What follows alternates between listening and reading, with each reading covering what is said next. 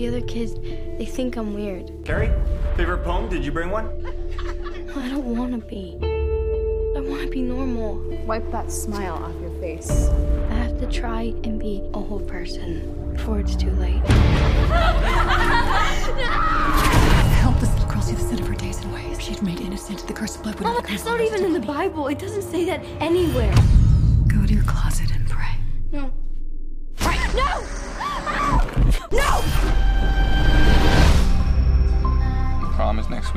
You don't have a date already. Maybe you want to go with me. Mama, I've been asked to prom. No, no, no. They're gonna laugh at you. They're all gonna laugh at you. Mama, stop it.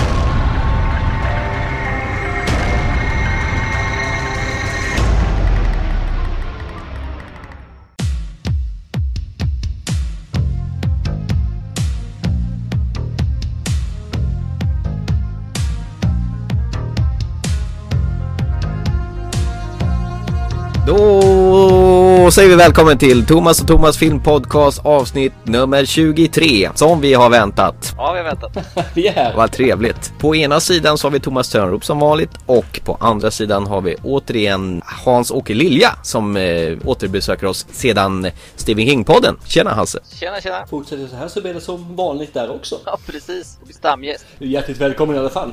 Idag ska vi prata om filmen Carrie som precis har eh, haft premiär på bio. Nyinspelningen från eh, originalet var ju 1976. Men däremellan har det väl dykt upp eh, några varianter till. Ja, precis. De har gjort en eh, tv-variant som var tänkt att bli piloten till en tv-serie. Vart den ju inte så populär så det vart aldrig så. Och sen så finns det ju faktiskt en uppföljare till originalfilmen. En Carrie 2 Ja. Som vi då ska säga inte bygger på en Stephen King-bok i det här fallet. Han har aldrig gjort någon Carrie 2. Nej, precis. Det är en uppföljare till första filmen. Han har väl inte gjort någon tvåa överhuvudtaget så vitt jag vet. Ja, den här Dr. Sleep som släpptes nu är ju en tvåa på Shining kan man ju säga. Men det är väl första gången? Ja, han gjorde ju Talismanen har ju en uppföljare och eh, Mörka Tornet ju uppföljare. Talismanen, sa du inte att han skulle eventuellt få en tredje uppföljare till och med där? Planen är att det ska bli tre böcker men eh, det Ja. gäller ju att hitta tiden för dem och skriva den bara. Innan vi går och gasar igång i 120 på filmen Carrie och då och nu och vi ska jämföra och eh, se vilken som egentligen är bäst så sedan vi pratades vid senast så var väl du iväg till Tyskland och träffade Stephen King, eller hur? Stämmer bra där. Han gjorde ju en liten Europaturné här genom Paris och Tyskland. Eller genom Frankrike och Tyskland. Så nu måste ju du vid det här laget vara superbundis med kungen. Ja, det är ju eh, ganska många som vill eh, träffa honom och sådär. Så att eh, det blir ju inte så att vi sitter och dricker kaffe och snackar en halvtimme direkt. Nej, hur mycket tid får man egentligen när man träffar på sådär vis? Ja, nu var det ju kanske 30 personer eller något sånt där som fick eh, träffa honom lite innan hans framträdande då. Så att eh, det vart ju mycket, eh, en bok signerad eller två i mitt fall. Något, ett foto, eh, en handskakning typ. Trevligt, kul. Ja, kul. Han, han bad mig hälsa till de här två killarna i Sverige som gör en eh, kanonpodcast. Nej men vad trevligt! Filip och Fredrik tror jag de heter. Ja just det, Philip and Frederick. Eller hur tänkte du? Nej, jag kände att en, en stunds eh, lycka där över att, oj då. du, du. Du, du. Ja, Så, det var sista, gången Hasse var med i den här Ja, podden. det var kul att du var här, vi hörs. Ja tack. Du var ju med i radio här för ett tag sedan också. Ja, precis. Om just Stephen King. I P3, något ett program som Ja. hette PP3 tror jag det hette. Där de skulle snacka om Stephen King och ville ha med mig. En expert i området. Ja just det, det var väl eh, de eh, tio största King-ögonblicken har jag för mig. Jag hörde. Ja, de listade ju ett gäng där. Jag kommer inte ihåg exakt hur många det var, men det, det var nog kanske tio som de listade. Härligt. Ja, vad kul. Jag satt eh, ensam i en studio i Örebro medan resten av gänget satt i Stockholm. Så det var en lite bisarr känsla. Eh, ska vi starta igång med Carrie? Jag känner ju så här att jag har ju väntat ganska länge på den här och inför den här nya filmen så var jag ju tvungen att se om eh, 1976 års modell för den är ju väldigt, väldigt bra tycker jag. Är det någon som håller med? Jag håller med. Ja då, absolut. Det är en väldigt trevlig film och trevlig bok också får jag säga.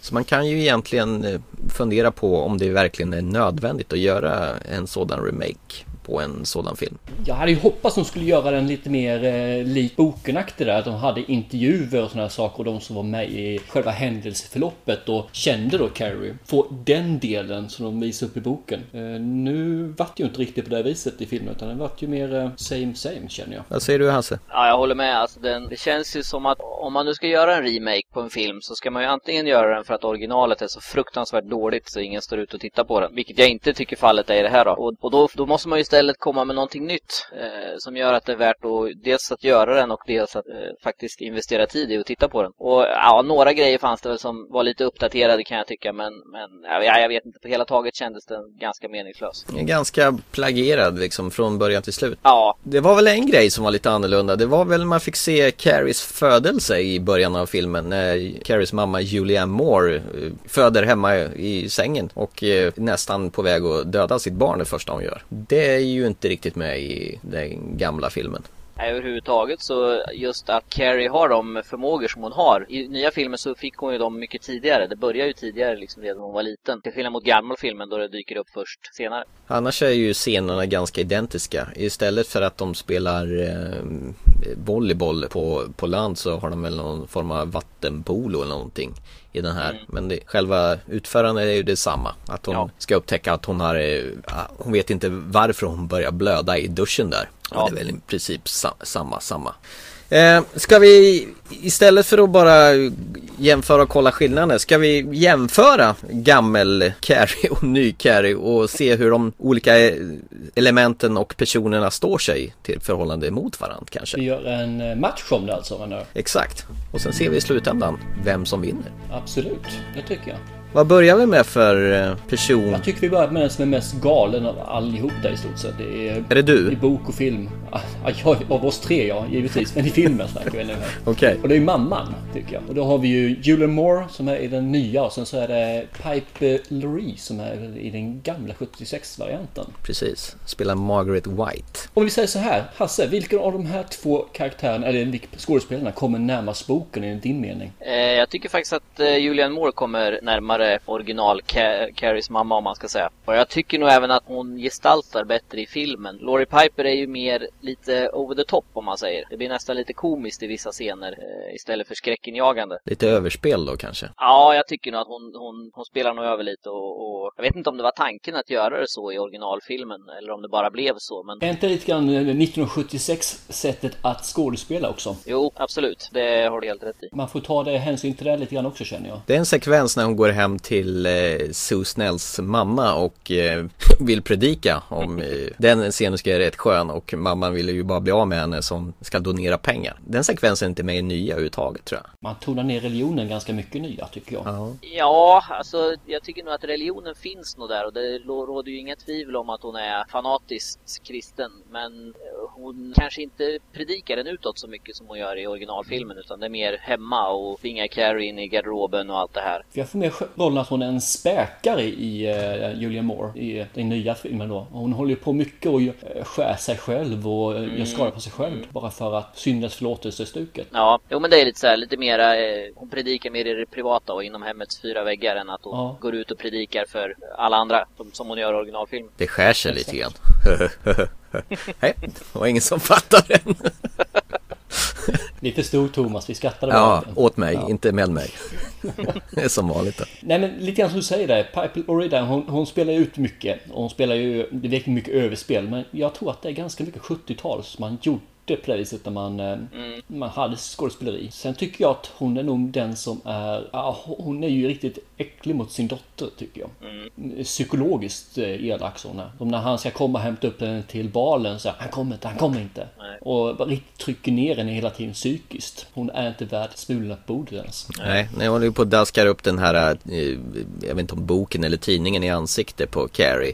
När hon vill att hon ska repetera när hon har sagt någonting med intercourse. Intercourse och verkligen är uppe i ansiktet på henne. Och sen eh, har de ju varit rätt så duktiga med filmtekniken där och filmat henne underifrån och sen över axeln på, eh, på hennes morsa. Så att det blir den här nedtryckningen blir extra effektfull. Stor och liten. Ja, stor och liten. De ändrar kameravinkel fram och tillbaka. Nu pratar vi om den gamla varianten. Tittar man på rollen som mamman har egentligen i filmen så är det just att hon tar ju fram där varför egentligen Carrie är som hon är. Hon är helt bortvänd från verkligheten. Hon vet inte ens var hon får sin första menstruation. Att det här är helt naturligt och händer liksom. Eh, och hon frånvänder henne allt ifrån allt det här. Och enda som hon lär henne är ju då Jesus är där och man hela tiden ska be om syndernas förlåtelse. Man ber om ursäkt för sina synder hela tiden vad man gör för någonting i stort sett. Och man får ju förståelse varför Carrie är som Carrie är. Så att eh, hon är en som verkligen behövs för att förklara och för att driva upp driva storyn i rätt riktning tycker jag. Det är visserligen kanske glider in på uh, Carrie-rollen nu men Cissi Spacek som spelar Carrie den gamla tycker jag är mer underlägsen också mot uh, mamman. Vilket i sin tur gör mamman ännu värre uh, jämfört med nyversionen där, där hon är lite kaxigare tycker jag. Vilket avdramatiserar mamman på ett lite olyckligt sätt kanske. Vi får spara det lite längre fram för ja. Carrie kommer sen. att, men jag håller med dig där, det gör jag. Absolut. Ska vi gå till, jag kallar det här rond 1 då. Julian Moore och Piper Laurie. Vem är det som tar hem första ronden? Gamla eller nya filmen? Filmen. Eh, vad säger du Hasse? Jag eh, lägger min röst på nya filmen. Jag tycker Julian Moore är eh, snäppet bättre just för att det blir lite överspel i gamla filmen. Thomas? Ja, jag är mer svag för den gamla tanten. Jag, hon är som, som Hasse säger överdrivet psykopat. Men jag gillar ju överdrivna psykopater. Jag kan ju inte göra jämföra för jag har inte läst boken hur hon ska vara egentligen. Men eh, överdrivna psykopater går hem hos mig. Ja, jag håller med dig också. Den gamla går hem hos mig. Där. Eftersom jag får avslagsrösten här nu så vinner den gamla filmen faktiskt här vad gäller mamman. Sorry Hasse. Ja, okay. Så 76an får en poäng. Om en jämnt. Yes. Mm. Ska vi köra rond två då? Rond två. Ska vi ta eh, hon, den elakingen eh, hatar egentligen Carrie White mest av alla av eh, eleverna, studenterna. Chris Hergensen eller yes. Nancy Allen i den gamla filmen. Mm. Vad säger du om den då? Thomas, ska du börja med vad du tycker? Hon är, hatar ju Carrie. Man vet ju inte riktigt varför men hon är ju den här äh, tuffa bruden i skolan som hatar väl allting som är annorlunda. Hon är ju bara genomelak rakt igenom. Hon vill förstöra så mycket det bara går för denna udda fågel. Om vi jämför de båda karaktärerna, eller samma karaktärer med de olika rollinnehavarna då, Nancy Allen och Porty Dudley. Dudley. Då tycker jag Nancy Allen, eh, hon är ju klart mycket mer färgstark än i den nya. Hon är mer dämpad i den nya filmen tycker jag. Fick hon mindre plats här nu, den här elaka? Ja, jag vet inte. Så. Det kändes så faktiskt. För det, det, var ju mer senare med, i den gamla filmen. Jag, tycker nog, jag tror nog definitivt att det beror på att hon får mindre plats i den här nya filmen. För där, det som, som finns med i den gamla filmen är ju bland annat där när hon får den här örfilen av läraren. Den finns inte med till exempel. Den, den tycker jag tillför en hel del, just den scenen som visar hur överjävlig hon är, den här Chris. Sen så är ju hela det här med när, när hon försöker hindra henne från att gå på skolbalen, gymläraren, så är ju pappan inblandad mycket mer i originalfilmen och försöker att liksom övertala skolan att de ska gå. Och Visa sin makt där ja. Ja, precis. Att eh, det är möjligt att hon, eh, att den nya versionen lider lite av att man har klippt bort lite av karaktären helt enkelt i filmen. Men jag, jag röstar också på original Chris. Du själv då, Thomas? Jag tycker som sagt var att man, fick, man får se mycket mer av Nancy Allen än den gamla. Framförallt så får man se hatet mycket oftare. Där verkligen, hon tycker inte om Carrie och varför hon tycker om det. Som du säger, hon är annorlunda och hon är ganska lätt att hacka på. Mm. Det är ju ganska lätt att ta på någon som redan ligger ner så behöver man inte sparka så högt ju. Och det är ju ett sätt för henne att växa lite grann till sina egna ögon. Så att vi är enhälliga här, enhälliga, enhälligt här nu och säger den gamla filmen vinner överlägset här faktiskt. Just den elaka bitchen. Så de två, det är två, det är 2-0 helt enkelt. 2-0 och den här gången så raglar den nya Carrie-filmen egentligen om man ska ta det i Rocky-termer här. Ja, precis. Hänger lite på repen. Yes, ja. mot repen och gången går precis innan eh, Carrie 13, 2013 går i golvet. Vi kan ju fortsätta med eh, damerna här tänkte jag. Och då tar vi eh, Sue Snell. Det är väl den här elaka bitchen i början som eh, blir snäll och vill hyra ut sin pojkvän till eh, Carrie. Som man vore någon värsta jourhavande hingst. Exakt. Tittar man på den nya filmen så har vi ju eh, Gabriella Wild där. Och jämför man henne med Amy Irving som är den gamla filmen då så känns det som att Amy på något vis hon funderar mer på vad som har hänt och innan hon går med på någonting. Medan Gabriella Wild säger bara ah, mig, jag har gjort fel och sen så vill hon hyra sin pojkvän med en gång. Jag, jag köper inte det. Att man helt plötsligt bara pang! Någon säger till att man har gjort dumt och sen så ändrar man sig och vill ge bort sin pojkvän. Jag tycker det fungerar bättre faktiskt där i den gamla filmen så att där ligger ju min röst. Mm. Är det inte återigen att det är ett helt annat tempo i dagens film? Att allting ska gå så raskt och man inte riktigt funderar på varför karaktärerna beter sig som de gör. Kanske det spelar in lite grann också. Hennes eh, ögonbryn där irriterade mig lite grann måste jag erkänna. ja, det låter väldigt ytligt, jag vet. Men hon är så toppblond med helt knallbruna ögonbryn alltså. Det kändes eh, bara konstigt. Är det nya filmen eller?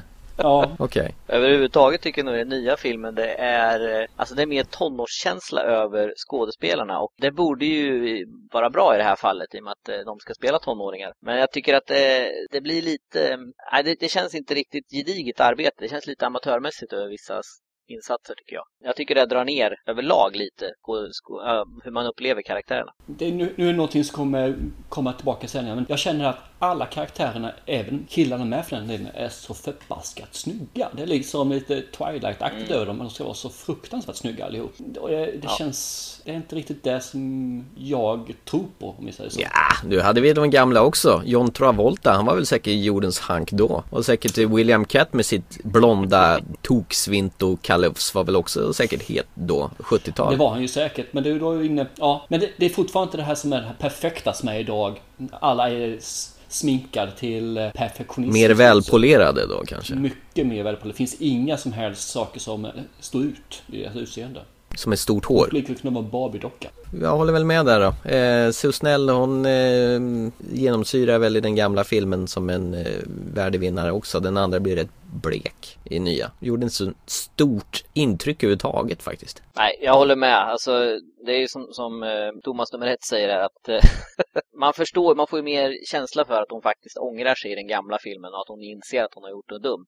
I den nya filmen är det lite så här, det, det, det är en knapp som slås om liksom bara och sen helt plötsligt så ångrar hon vad hon har gjort. Och eh, jag, håller med, jag köper inte riktigt det att det, går så himla lätt att låna ut pojkvännen där. Ja, jag håller med. Ja, nu kanske vi kommer över på fel, men jag vet inte. Men just det här med att låna ut pojkvännen också går lite enkelt också i nya tycker jag. Det, det, hela, hela, det, ja, hela det konceptet liksom att, äh, men nu får du gå med henne istället. Okej, okay. ja, jag vet det känns inte trovärdigt. Pojkvän kommer ju på rond fyra här så att det är, du kan ta honom ja, strax. Kände att jag klev lite framåt där. Ja. Ja men det var en bra övergång. Men jag lägger, lägger rösten på eh, den gamla. Då har vi en 3-0 igen här då till den gamla alltså. Det innebär väl egentligen att Carrie 2013 rök i golvet och var väl uppe igen då på kont 2-3 någonstans där. Det var liksom bara halkat på mattan lite grann men ändå nedslagning. Och som jag nämnde då, då går vi in på pojkvännerna. De såg uthyrd här. Från att gå på pramen med sin eh, balen med sin flickvän så han går till balen med den mest minst omtyckta tjejerna på skolan. Vad säger du om honom? Ansel Elgort i den nya filmen och William Cat i den gamla filmen. Thomas?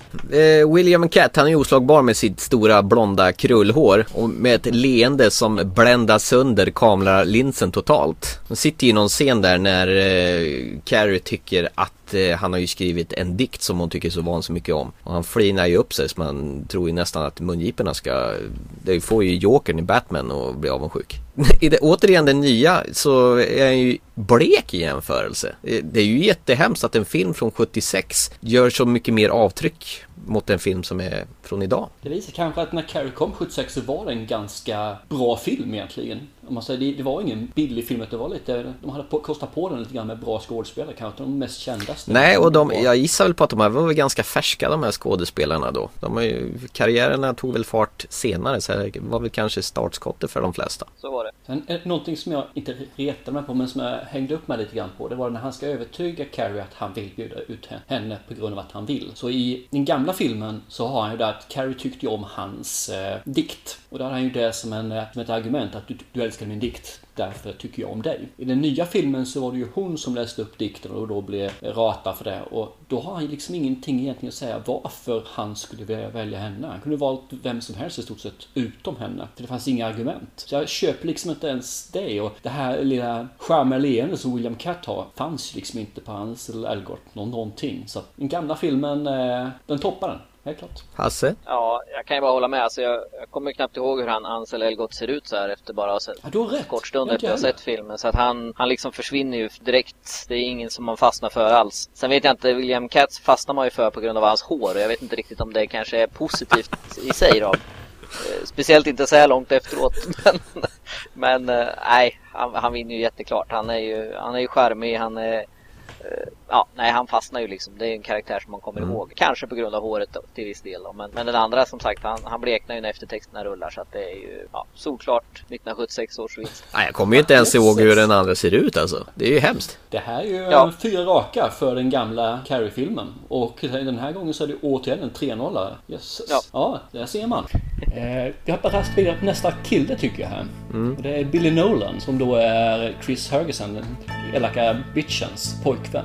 Är det Ron 5 nu vi pratar om eller? Va? Ron 5 nu. Mm. Nu är vi inne på Ron 5. Mm. John Travolta är det i den gamla filmen. Och Alex Russell i den nya filmen. Vem? Va? Alex Russell heter han. Ja, ja, just det. Ja. Mm. Ja. Hasse, du får börja här. Ja, med risk för att låta som om jag säger samma sak igen. Alltså, det, är, det är samma sak här. Jag tycker att eh, stackars Alex här, han, han, han bleknar bort också efter, han kanske klarar sig efter texterna då, men när man kliver ut, man reser sig från biostolen och kliver ut, då, då är han borta också. Medan John Travolta då, ja, han sitter ju. Sen ska man väl kanske inte underskatta, att nu är ju inte jag så gammal så jag såg filmen 1976, utan när man väl såg den så visste man ju vem John Travolta var och det kanske han har haft lite nytta av eh, i jämförelse då. Så, så i all ärlighet så ska man väl kanske nämna det också då, men eh, det är samma sak där. Jag, jag, John Travolta, han vinner stort för mig. Det, han är en bra skådespelare och han, han gör rollen bra medan den andra mest, ja, han bleknar. Ska jag vara min här sida för här så ska jag säga att John Travolta var nog hans första roll jag såg han i Carrie. Okej, okay. jag tror det. Du såg jag tror inte jag har sett han i någon annan före detta alltså. Det här var det, ja jag är nästan till säker på det i alla fall. Så mm. för min del så hade han inte några pluspoäng där i alla fall. Nej. Men jag tycker, nu blir det här så konstigt för de, de kan inte filma det här i de nya Carrie-filmerna. Det går liksom inte när han visar hur han är mot sin flickvän. Ena är han ju jättekär men den andra så är det liksom polarna och sen så sular han ju till henne ett par gånger också när, när hon inte gör som han tycker att hon ska göra då ju. Mm. Så att just det att han visar upp sin dominans mot sin tjej och visar upp också lite grann till varför hon beter sig som hon gör också i det sättet. Samtidigt så har de ju ett, ett ombytt förhållande ibland också när hon utnyttjar honom för att få sin vilja igenom. Så att de har ju ett väldigt, eh, väldigt konstigt förhållande om vi säger så då. Båda två har maktförhållanden på sitt sätt. Du menar att, han, att hon går ner på honom då för att utnyttja situationen? Och... Ja, hon utnyttjar ju situationen sexuellt för att få som hon vill ju. Bland annat så har du den gamla filmen där hon går ner och ska suga av John Travolta och samtidigt säger hon I hate Carrie White och så vill hon då att han ska göra någonting. Hur kan hon göra det när hon, ja, ja nej. Tjejer vet du, de kan det mesta. Buktala vet du. Tar vi då Alex Russell i det här fallet så är det väl en sak där. De blir nästan lite, ja de blir nästan lite så här att de gör saker till sammanstuket. Som de har den här när de ska samla ihop blodet till eh, balen, här grisblodet. I det här fallet så får ju hon gå fram och göra det sista på grisen att skära strupen och tömma ur blodet. Medan den gamla filmen står med bryr sig om och ser när han slår med släggan på den här suggan då. Och det är ju lite, jag antar att det är ett sätt att göra då att de är lite sjuka båda två fast man kan inte slå till tjejer för då skulle det vara helt fel i, dagens samhälle. Men 76an som sagt var vinner ju milsvitt över 13 där med. Det är som du säger, man kommer inte ens ihåg Alex Russell idag. Thomas! Jösses, det här är nästan pinsamt. Vi skulle nästan inte gjort en match. Det här är ju utklassning.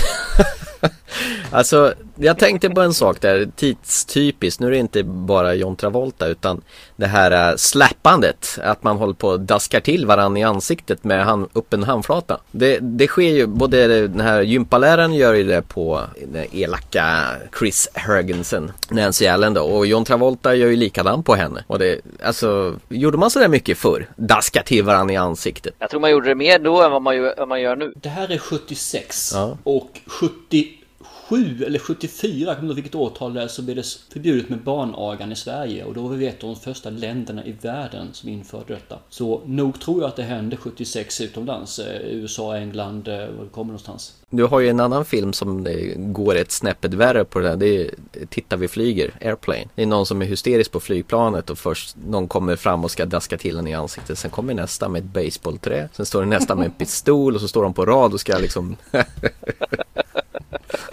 Fast det är ju 80-tal tror jag. Ja, ja, fast det gör nog lite narr av. Ja, det där daskandet som de gör. Ja. Jag, det var ett litet sidospår här, men eh, jag säger som er. John Travolta, han ser ju ut som eh, en långhårig Grease-kille. Jag tänker på Grease när jag ser Travolta i den här faktiskt. Fast den gjorde han väl senare antar jag. Mm.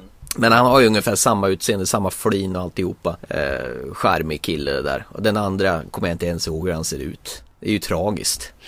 Faktiskt, med tanke på att det inte var alls länge sedan vi såg den här filmen. Nej, exakt. Vi såg dem ganska tätt efter varandra för att ha någonting att jämföra med. Det var nog bra. Eh, nej, John Travolta han spöar ju skiten ur den andra plutten i det här fallet också. Det innebär att vi har en 5-0 ledning för 76-varianten. Det här blir svårt att ta upp om 13 ska vinna mark. Ja, det är ju det. Jag tror för min del att just nu så hänger huvudet ner och blodet forslar för läppar och ögon här vet du, inmurat.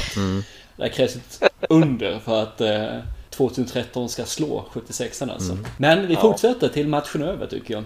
Nästa rond så går vi in på, då är det vi går in på gymnastikläraren har vi använt där. Anledningen till att vi har med henne här i ronden är för hon är ju ändå markant med just när det gäller mot stötta Carrie. Och hon är också med för att egentligen straffa de andra hur de behandlar Carrie. Lite grann här. Så därför tar vi med henne som en rond sexa. Vad säger du Hasse? Ja, alltså här blir det nog ett lite mer jämnare race ändå tycker jag. Judy Greer som spelar, spelar henne i eh, nyvarianten tycker jag ändå gör en bra insats faktiskt. Sen är hon ju lite har hon ju händerna lite bakbundna nu i och med att hon inte får ge den här örfilen och lite sådana grejer. Så att, Du saknar den också, filmen alltså? ja, och jag får nog säga kanske att karaktären har ju blivit tamare så att karaktären kanske den gamla vinner men skådespelerimässigt så lägger jag nog faktiskt min röst på 2013 års Carrie. Lysande. Ja, den första grejen jag kommer tänka på att det är ju ganska stor åldersskillnad på de här gympalärarna mellan filmerna. Jag tycker hon i den gamla verkar ju äldre, mer pondus. Den andra är en yngre tjej. De har ju inte, det är ju också rätt märkligt, de heter ju olika i de här två filmerna. Alla roller har ju samma namn förutom gympaläraren. Ja, det förstod inte jag heller varför man bytte namn där helt plötsligt. Nej, det, de kanske inte kommer ihåg det efter när de skrev manus. Då hittar de på något. Då har jag en, ett råd till mig som att köpa den gamla VHS-kassetten med Carrie så står namnet där. Jag tror den finns på DVD också Ja. numera. Det gör den säkert också. Och Blu-ray. Tror du? Ja, eller en gammal laserdisk kanske man kan rota fram för någon gammal källare också. Vad var ditt eh, betyg? Nej, alltså jag är, jag är svag för det här bitch-släpandet. Så att... Eh, den gamla gympaläraren, eh, ja hon, eh, hon är mer lidelsefull än den här nya. Hon blir ju mesigare i den nya filmen. Yngre och mesigare och tar inte riktigt lika bra tag i de här eh, tjejerna och ger lika tuff bestraffning som eh, den, den gamla Carrie, gympaläraren. Så att eh, jag lägger mer röst på den gamla återigen. Jag hade faktiskt samma tanke där med eh, Rihanna. Hon hade mer pondus och hon hade mer eh, de här sakerna. Den här käftsmällen som hon ger nu då till eh, Chris Ferguson. Men så funderar jag lite grann på att man kan ju inte göra det idag. Lärarna idag har inte samma utrymme. Och tittar man på vad hon gjorde istället här med på just det här med att hon tog mobil, kort med mobilen ju i duschen. Då använde hon den när pappan kom in där med på att vi kan stryka ett streck över det här men då får du visa upp bilderna i den här telefonen. Och har du något där så kan vi gå till polisen och så blir det rättegång om det här istället. Så hon använder ju andra medel för att nå ändamålet i alla fall. Eh, Modern medel om man ska säga så. En virtuell käftsmäll. Ja, det blir, ja precis. Det blir kanske mer det än i en cyberspace-aktig där. Men nej, jag vet inte. Och sen samtidigt så i duschen med första där är hon ju mycket mer, känns det som att hon tar till sig Carrie tycker jag än i den gamla filmen. Så jag sätter nog en 2013 här också faktiskt. Så det blir en eh, 2-1 till 2013. Är detta början på en eh, upphämtning? Prost. En vändning. Uppe på knä nu. Ja, jo, det, vi kan säga att de är nere nu på 7-8 någonting, så här, räkningen nu då. Carrie 2013 reducerar. Yes! Så nu står det 5-1 och det här kan bli storslam. Då går vi in på rond 7. Det här är den stora av alla frågor. Och det är Carrie. Vem är den riktiga Carrie? Är det Chloe Grace Mortis eller Sissy Sissy Spacek heter hon va? Spacek tror jag man säger, men, Ja, eh, mer säkert. Om man ska ta engelska. Det är ungefär som man säger Stephen King och inte Stephen, Stephen King. Har jag aldrig talat om någon som sagt. Ja, har ni slutat häckla mig ska vi gå vidare kanske? Ja, vi kan gå vidare. Tack. Då får du börja Thomas. Ja, eh, så här va, säger jag. Eh, Cissi Spacek i, i 76-årsvarianten, hon ser ju väldigt förvirrad och bortkommen ut. Och hon är ju så vansinnigt undertryckt av sin mamma. Hon är ju i princip livrädd för sin mamma, kan jag tycka. Hon är ju initialt, ser hon väldigt, hon, hon ser ut som en eh, fågelunge som är helt malplacerad. Hon vet inte var hon ska ta vägen. Hon vet inte hur hon ska röra sig. Hon är, hon är tokmobbad ingen gillar henne överhuvudtaget. Hon har så här tråkigt spikrakt hår. Initialt den här scenen i duschen när hon får mens och alla andra häcklar henne. Jobbig scen att se faktiskt. Hon gör det vansinnigt bra. Det måste vara väldigt jobbigt att spela in den där scenen. Och sen om vi går över till eh, Chloe Grace Moretz. Hon, är, hon ser för bra ut tycker jag för att vara Carrie. Hon, är, hon, hon, är, hon ser inte bortkommen ut. Hon ser mer självsäker ut. Hon eh, till och med gör uppror mot sin morsa lite väl tidigt tycker jag. Alltså hon, hon hon är för snygg för att vara mobbad och eh, sådär utsatt. Så jag tycker hon är helt felkastad i den här filmen. Så att eh, Grand Slam till eh, Cissi Spacek säger jag. Hasse? Jag håller faktiskt inte riktigt med dig om att hon är för snygg. Det var faktiskt en av mina största farhågor när de skulle göra den här filmen, när de castade henne, att hon skulle vara för snygg. Och jämför man med Cissi Spacex så är hon ju naturligtvis snyggare, det går inte att komma ifrån. Men jag tycker nog ändå att man lyckas, med tanke på att alla andra är så jävla skitsnygga i den här nya filmen, så tycker jag nog ändå man lyckas tona ner hennes snygghet så att det funkar. Rent utseendemässigt så. Och eh, lite såna här begagnade kläder och lite sådär. Så att där tycker jag nog faktiskt hon klarar sig mycket bättre än vad jag trodde hon skulle göra.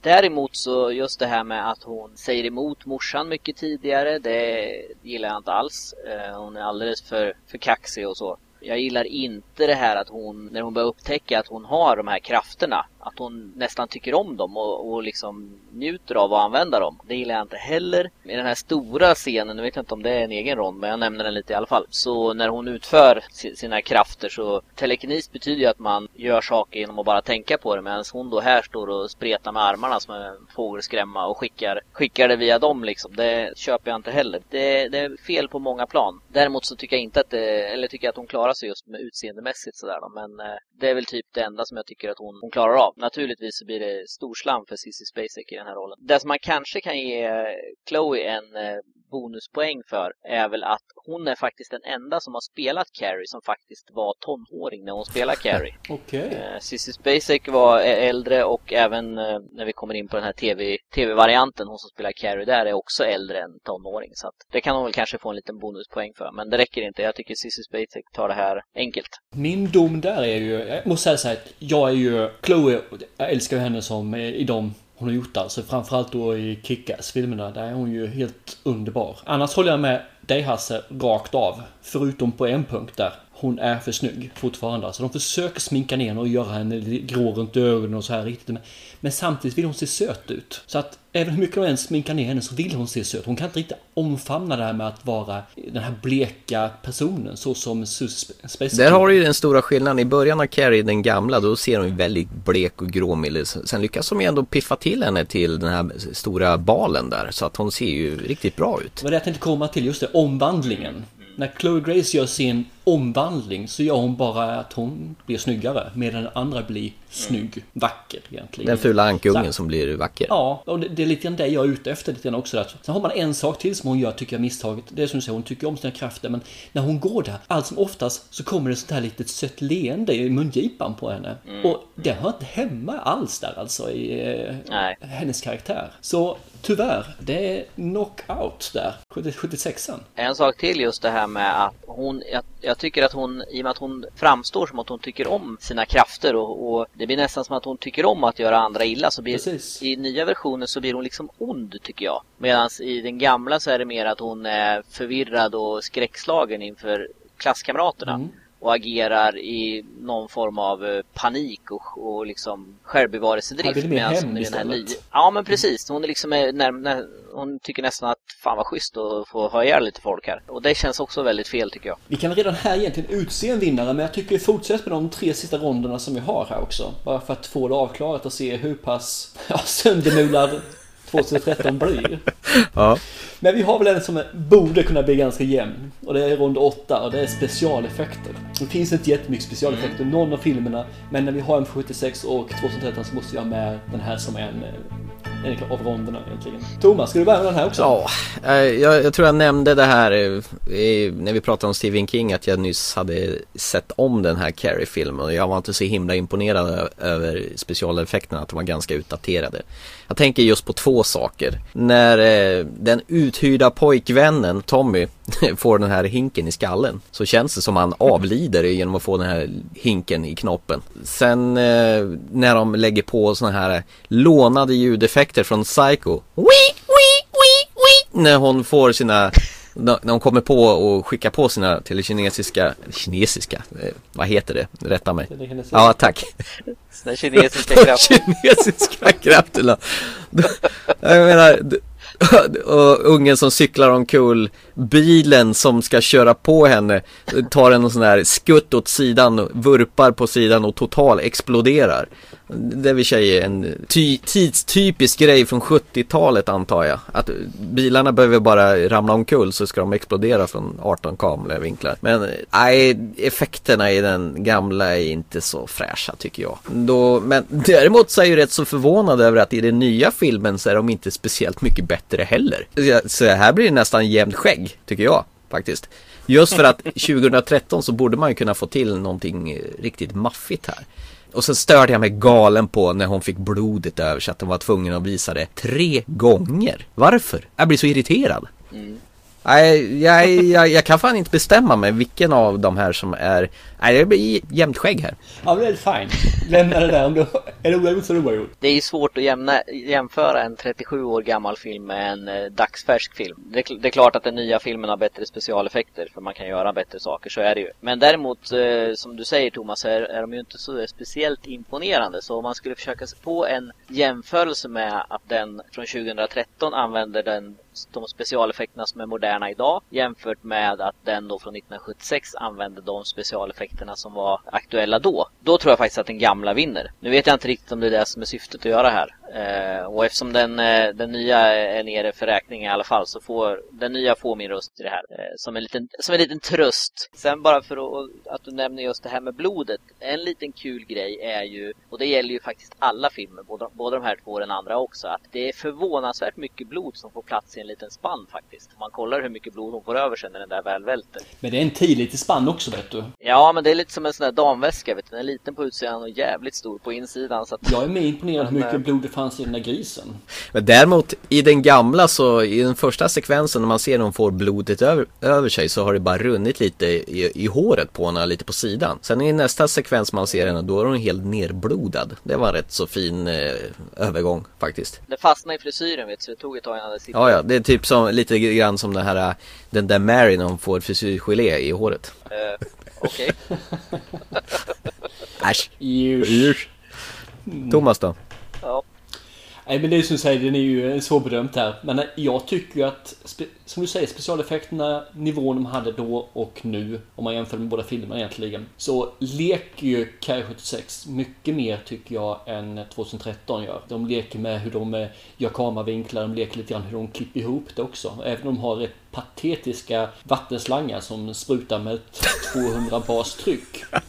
Som gör att folk dör av att få vatten på sig. Så nej, 76an eh, tar hem det just med att den får mig mer engagerad i, i scenerna än vad 2013 får. Ja, framförallt Brian De Palmas det här klassiska som man ofta använder sig av, att han delar skärmen i flera så du får se samma scen från olika håll. Det gillar jag och det har han ju använt ganska ofta i sina filmer senare. Sen har vi en sista, eller sista, roll 9 här. Den här tänkte jag att Hasse skulle vara enväldig eh, domare på. För det är ändå din, din genre. Och det är egentligen hur filmerna sköt sig mot boken. Nu är de är så lika egentligen, men du får ändå göra en avgörande här. Vilken är det som är den som följer boken bäst? Båda är ju ganska tr- följer ju boken bra, det gör de ju. Det man missar lite är ju att boken är uppbyggd med, alltså det är en blandning mellan den här storyn och inklippta fiktiva tidningsartiklar, ögonvittnesbeskrivningar och lite såna här grejer.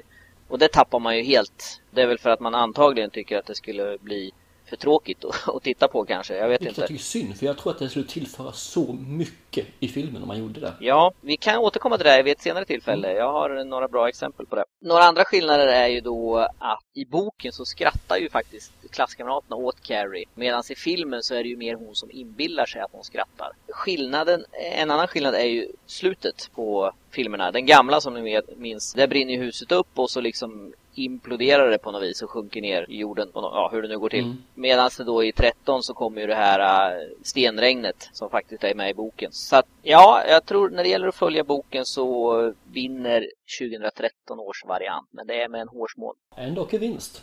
Ändå en vinst. Ja. De kanske tar hem det här i alla fall. Nej.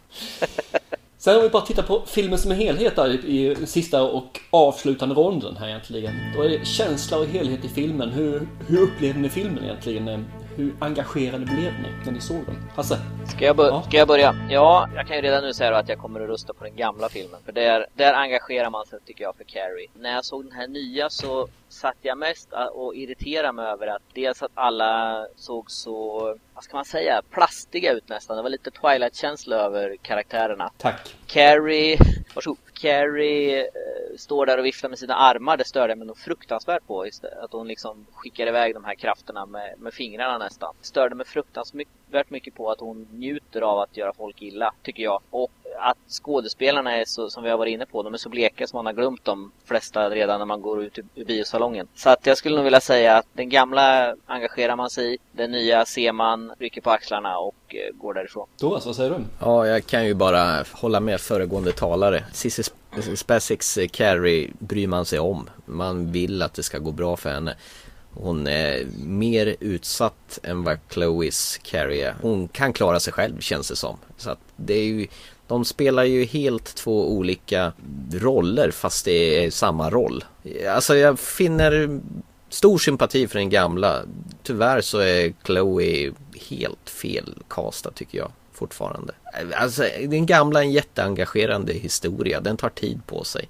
Den, an- den nya känns som ett bara havsverk och jag vet inte riktigt om man har brytt sig om så mycket och gå in i detalj på kärnan i, i historien helt enkelt. Utan man vill bara göra en uppdatering. Skulle kunna ha plankat den rakt upp och ner. Lagt till några ändringar som är alldeles för små för att liksom vara en betydelsefull remake.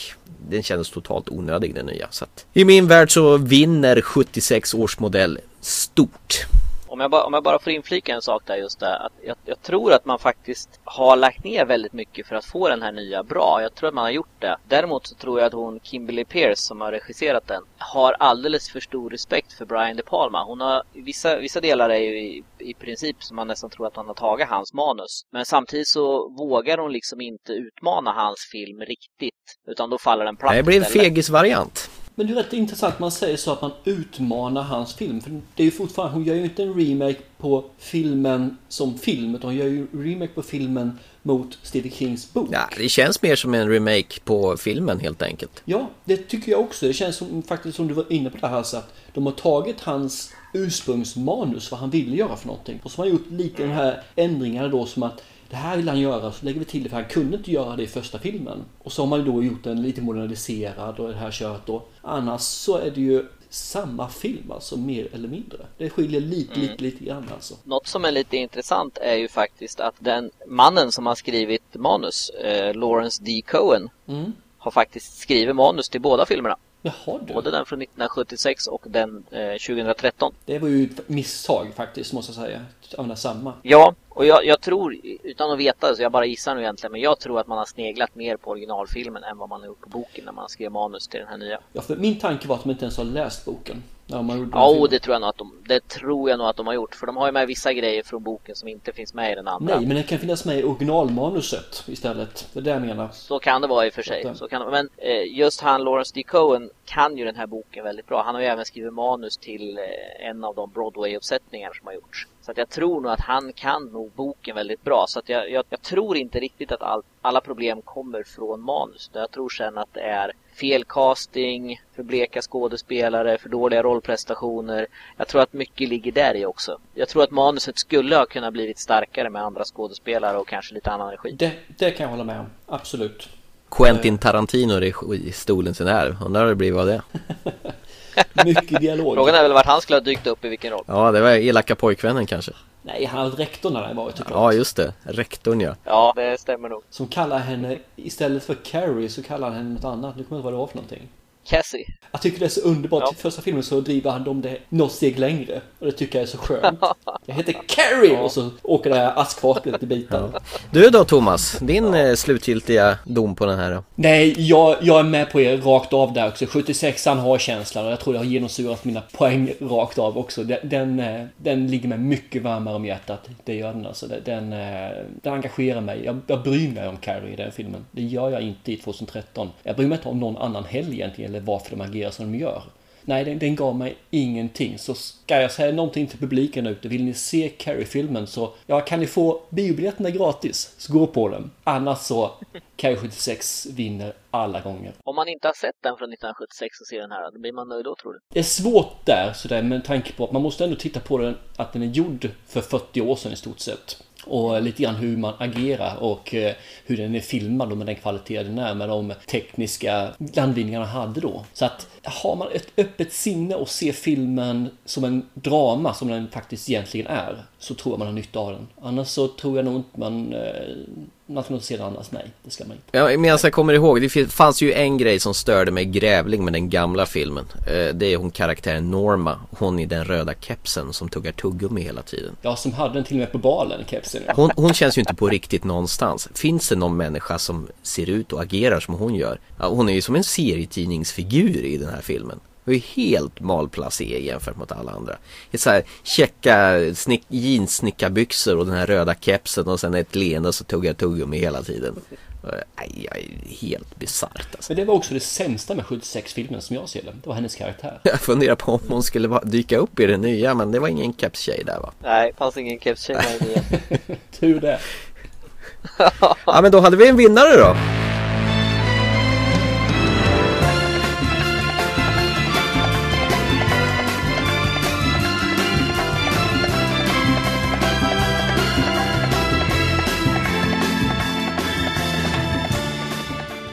Ja, överlägset till på köpet. Poängmässigt blir det, nu ser jag om jag räknar upp det. En, två, tre, fyra, fem, sex, sju stycken poäng, eller ronder, till Carry 76. Och en oavgjord och sen två vinster till 2013.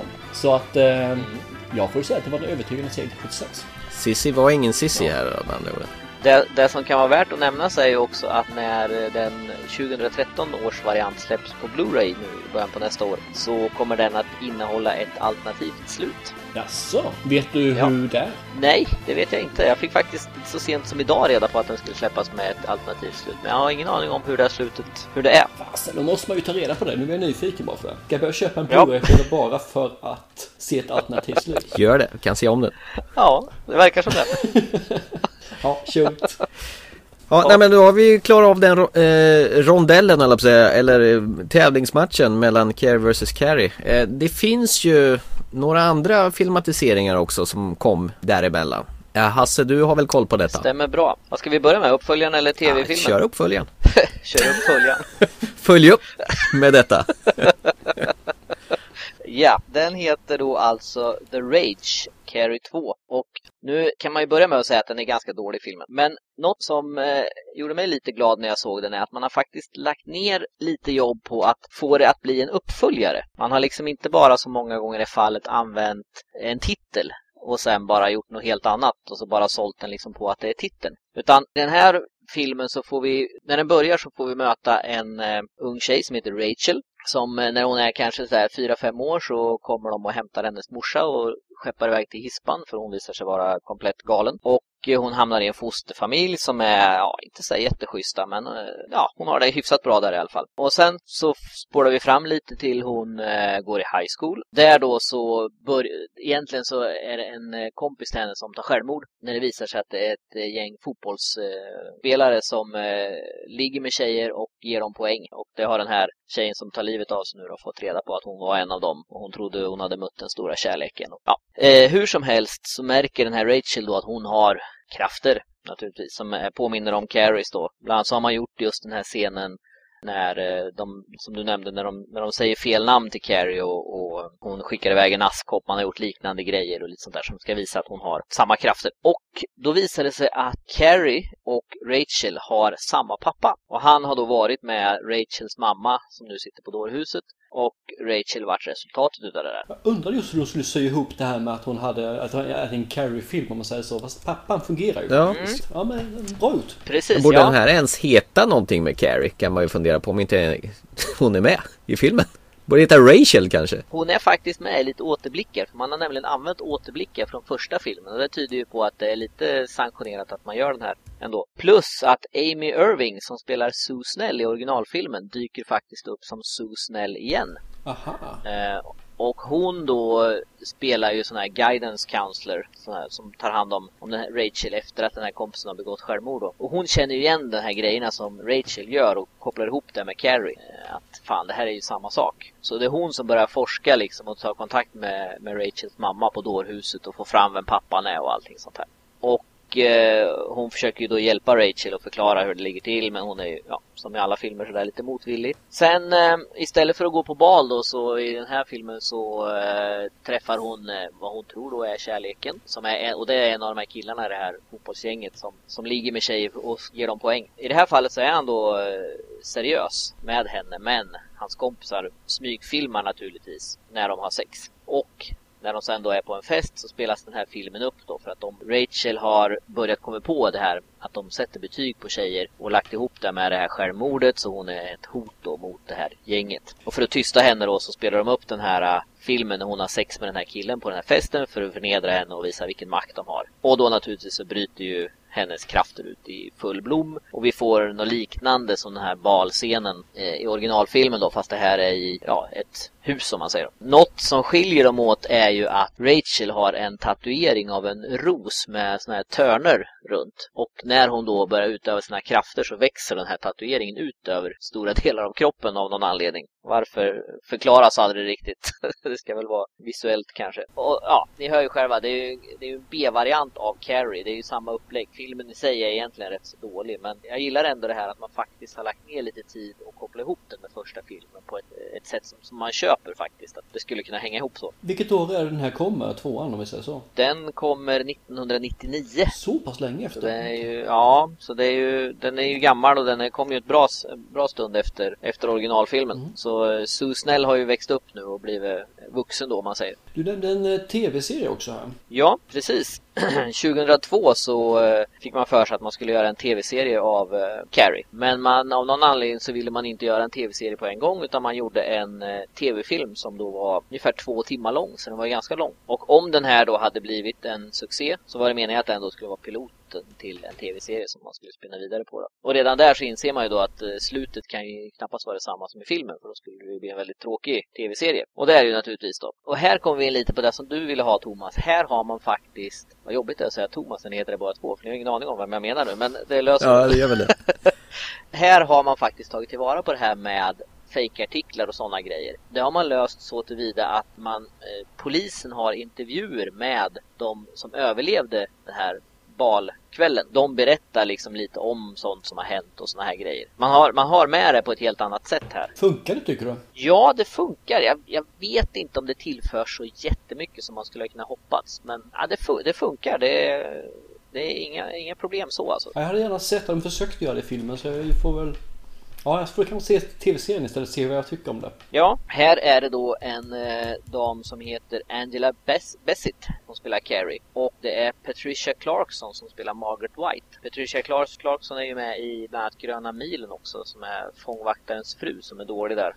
Just som har cancer va? Andra. Precis. Och om man ska gå in på deras prestationer då så Angela Bassetts version av Carrie är, hon överdriver den rätt bra. Hon, hon är, blir nästan ett freak istället för ett, en utbörling liksom. Nej, det blir, hon blir lite för geeky liksom, både klädmässigt och utseendemässigt och det blir lite för mycket där så att jag tycker inte hon lyckas sådär jättebra. Patricia Clarkson som mamma blir väldigt, hon känns nästan lite avdomnad hon, hon, är inte alls lika framträdande som, som i filmerna utan är eh, ganska passiv och, och, man får inte alls riktigt den här känslan att hon är domine, dominant på samma sätt som de är i filmerna. Men den följer, den följer en boken och originalfilmen framförallt då ganska bra. Vissa scener är nästan identiska så man, man tror att de har snott eh, vissa, vissa scener direkt ifrån från första filmen. Sen, sen är det även när hon hoppade över sina krafter då så om den här nya Carrie var spretig med armarna så här, här är det nästan så att det ser ut som att få ett epileptiskt anfall när hon skickar ut sina krafter. Det, det känns också väldigt konstigt. Jag tycker om originalet där när hon egentligen bara spärrar upp ögonen och fokuserar lite grann på det hon ska göra. Ja men precis och det är lite det som är just att man, man kan flytta saker med tanken. Att man, man behöver liksom inte peka på den eller man behöver inte liksom sprattla massa. Ja, för det blir helt plötsligt Nej. magi istället man säger, en trollkonst. Ja. Det räcker med glosoppan och blängsyltan så funkar det. Jajamän, totalt. Eh, men det som kanske är mest för, förändrat här då, det är ju då slutet. Eh, som jag förstår att ni är jättenyfikna på att höra hur det var. Oh, ja. Absolut, kör. Här kommer Carrie hem efter balen och eh, inser att fan, jag är rätt blodig så hon kryper ner i badet och där, där mamma försöker dränka henne varpå Carrie fejkar att hon dör och överlever på så vis, hon klarar sig alltså. Och får hjälp av Sue Snell att fly till Florida. Så de två damerna då flyr till Florida och eh, nu vet inte jag hur mycket man börjar jobba på en, eh, en serie. Men eh, jag har läst i alla fall att de där då skulle ja, lösa mysterier eller något annat i den stilen. Så att jag vet inte riktigt. Jag har svårt att se hur man skulle kunna ta serien vidare. De kan ju inte gå på skolbal i varenda stad de kommer till. Liksom. Så jag menar, vad... vad... Ja, jag vet inte riktigt hur man skulle lösa det. Men, men eh, det vart ju, den, den floppade ju naturligtvis. När, det, det blev ju aldrig mer. Men det är ändå rätt intressant om man tittar på just den här storyn som Stephen King har skrivit. Stephen King menar jag. Mm. Ursäkta mig. Eh, Så är det, det gjorts alltså, först har det gjorts en film på den. Så gjordes Mm. en uppföljare. Det gjordes en eh, musikal på den. Det Ja. gjordes då en eh, försök till en tv-serie och nu en remake på den också. Så själva storyn och det här måste ju verkligen ägga de här filmmakarna och de, överhuvudtaget de här som vill göra någonting. Så att den har ju någonting som tilltalar många människor. Sen att den då inte lyckas med allting, ja, det är ju en annan sak. Precis, grundstoryn just det här med att någon är mobbad och utsatt är ju tidlös och universal. Så att den är ju, den är ju, det är ju något tacksamt att skriva om om man säger. Det, det håller ju, alla kan ju relatera till det på ett eller annat sätt. Jajamän, och jag tror att många som just är mobbade och utsatta vill nog gärna ha den här speciella förmågan så att de skulle kunna bli lite unika. Precis. Och det kan ju nämnas också, jag vet inte om vi nämnde det i förra podcasten, men eh, den musikal som sattes upp på Broadway var ju Broadways största flopp någonsin. Den, jag tror den visades i tre föreställningar eller något innan den lades ner. Det är som sagt var en ägga folk men, eh, eller de som gör filmen och uppsättningen, men kanske inte publiken lika mycket då. Nej, det är många har försökt men få har lyckats. ja, det är lysande. Får se om det kommer eh, någon fortsättning på Carrie i en framtid också här då. Så de kanske gör den lite mer, eh, så att säga, bättre än 2013 i alla fall. Personligen så hoppas jag att de eh, lägger ner försöken med Carrie nu. Nu har vi, nu har vi fått så det räcker och, och blir över. Jag blir inte ledsen Nu om kan inte man gör. Nej. Nej, Nej, nu kan de koncentrera sig på något annat istället. Djurkyrkogården till exempel kanske. Nej, inte djurkyrkogården. Ja, det kommer ju en remake på den så att det är inte helt omöjligt. Jag kan ju, jag kan ju när, vi ändå, när vi ändå pratar om eh, remakes och sånt så kan jag ju passa på att nämna det här bara. Att vi hyllar ju The Mist i förra podcasten och eh, nu har, eh, har de på planer att eh, de ska göra en tv-serie baserad på filmen The Mist. Det kan bli tråkigt att vara det här varuhuset i tre säsonger. Ja, och jag vet inte riktigt hur man, eh, med tanke på hur den slutar så är det ju väldigt, det är, alltså det är inte helt enkelt att fortsätta där. Nej men det får ju bli samma sak där egentligen, att de gör saker för att överleva. Kan ju kanske bli alla Lost-varianter. Eller Walking Dead för all del. Ja, Någonting åt... någonting sånt där man får ta sig vidare och utmanas. Men det är ju lite, i och med att dimman försvinner där så är det ju liksom, då är det tillbaka. Ja men du får ju inte göra det i tv-serien, du får ju inte försvinna då utan då, du får ju hugga av det någonstans när de lämnar varuhuset. Där måste den ta en helt ny väg mot boken ju. Du, men, du menar att den lilla korta stunden där ska dras ut i några Det tv-serier? kanske blir en pilot som är i varuhuset, sen efter det så blir det liksom att de ska överleva och ta sig vidare, bla bla bla, hitta andra människor, vad det nu kan vara för någonting. Varuhuset har ju gjorts här i Sverige. Så att det Ja, kan, men det var ingen dimma utanför. Och inga tentakler som kom in genom väggarna, eller så här med dörrarna. nej, kanske var det som saknades i den. Till det. Så, känner vi oss nöjda med Carrie annars här? Vad säger ni pojkar? Det räcker till och blir över. Yes. Då tycker jag att vi eh, går vidare till vår sista punkt för dagen. Och det är ju faktiskt våran eh, tävling, just Carrie. Tävling. Och då har vi ju faktiskt tre vinnare som har fått vinna varsina två biljetter. Som då Hasse har sponsrat oss med den här gången. Och vi tar dem rätt upp och ner. Ja. Och vinnare i, ja det blir ingen ordning alls utan jag bara säger dem som de är i listan här. Det är första är Jenny Andersson. Sen har vi en kille som heter Johan Ekman. Och den sista här är Maria Andersson. Så de tre kommer att få biljetter skickade till sig i brådrasket där så snabb som du är Hasse. Ja, de är säkert jättesugna på att se den här filmen så att vi har slaktat den fullständigt och gjort korv av den. Ska vi skicka med en DVD-skiva med Carrie till dem också? Att 73, 76 menar jag. Det, det kan ju vara så att vi har totalt fel och de som går och ser filmerna på bio tycker nog helt annat. Yes. Ja. Så lyssna på det här. Jenny, Johan och Maria. Hör gärna av er vad ni tyckte om eh, Carrie när ni har sett dem. Så kanske vi får stå här med skägget i brevlådan med att den var helt underbar. Eller så håller ni med oss. Precis. Hör av er på våran eh, Facebook-sida, Thomas och Thomas Filmpodcast. Där kan ni lämna litet avtryck och tala om eh, vad ni tyckte om filmen. Absolut. Och med det så säger vi väl tack så mycket för ikväll. Återigen var det kul att ha dig med, Hans-Åke Lilja. Hoppas det blir fler gånger. Ja, det hoppas jag med. Det var kul. Så hörs vi. Då säger vi så. Hej hej. Hej. Hej. Your life is the same day after day. Everything that you do, you do the same old way.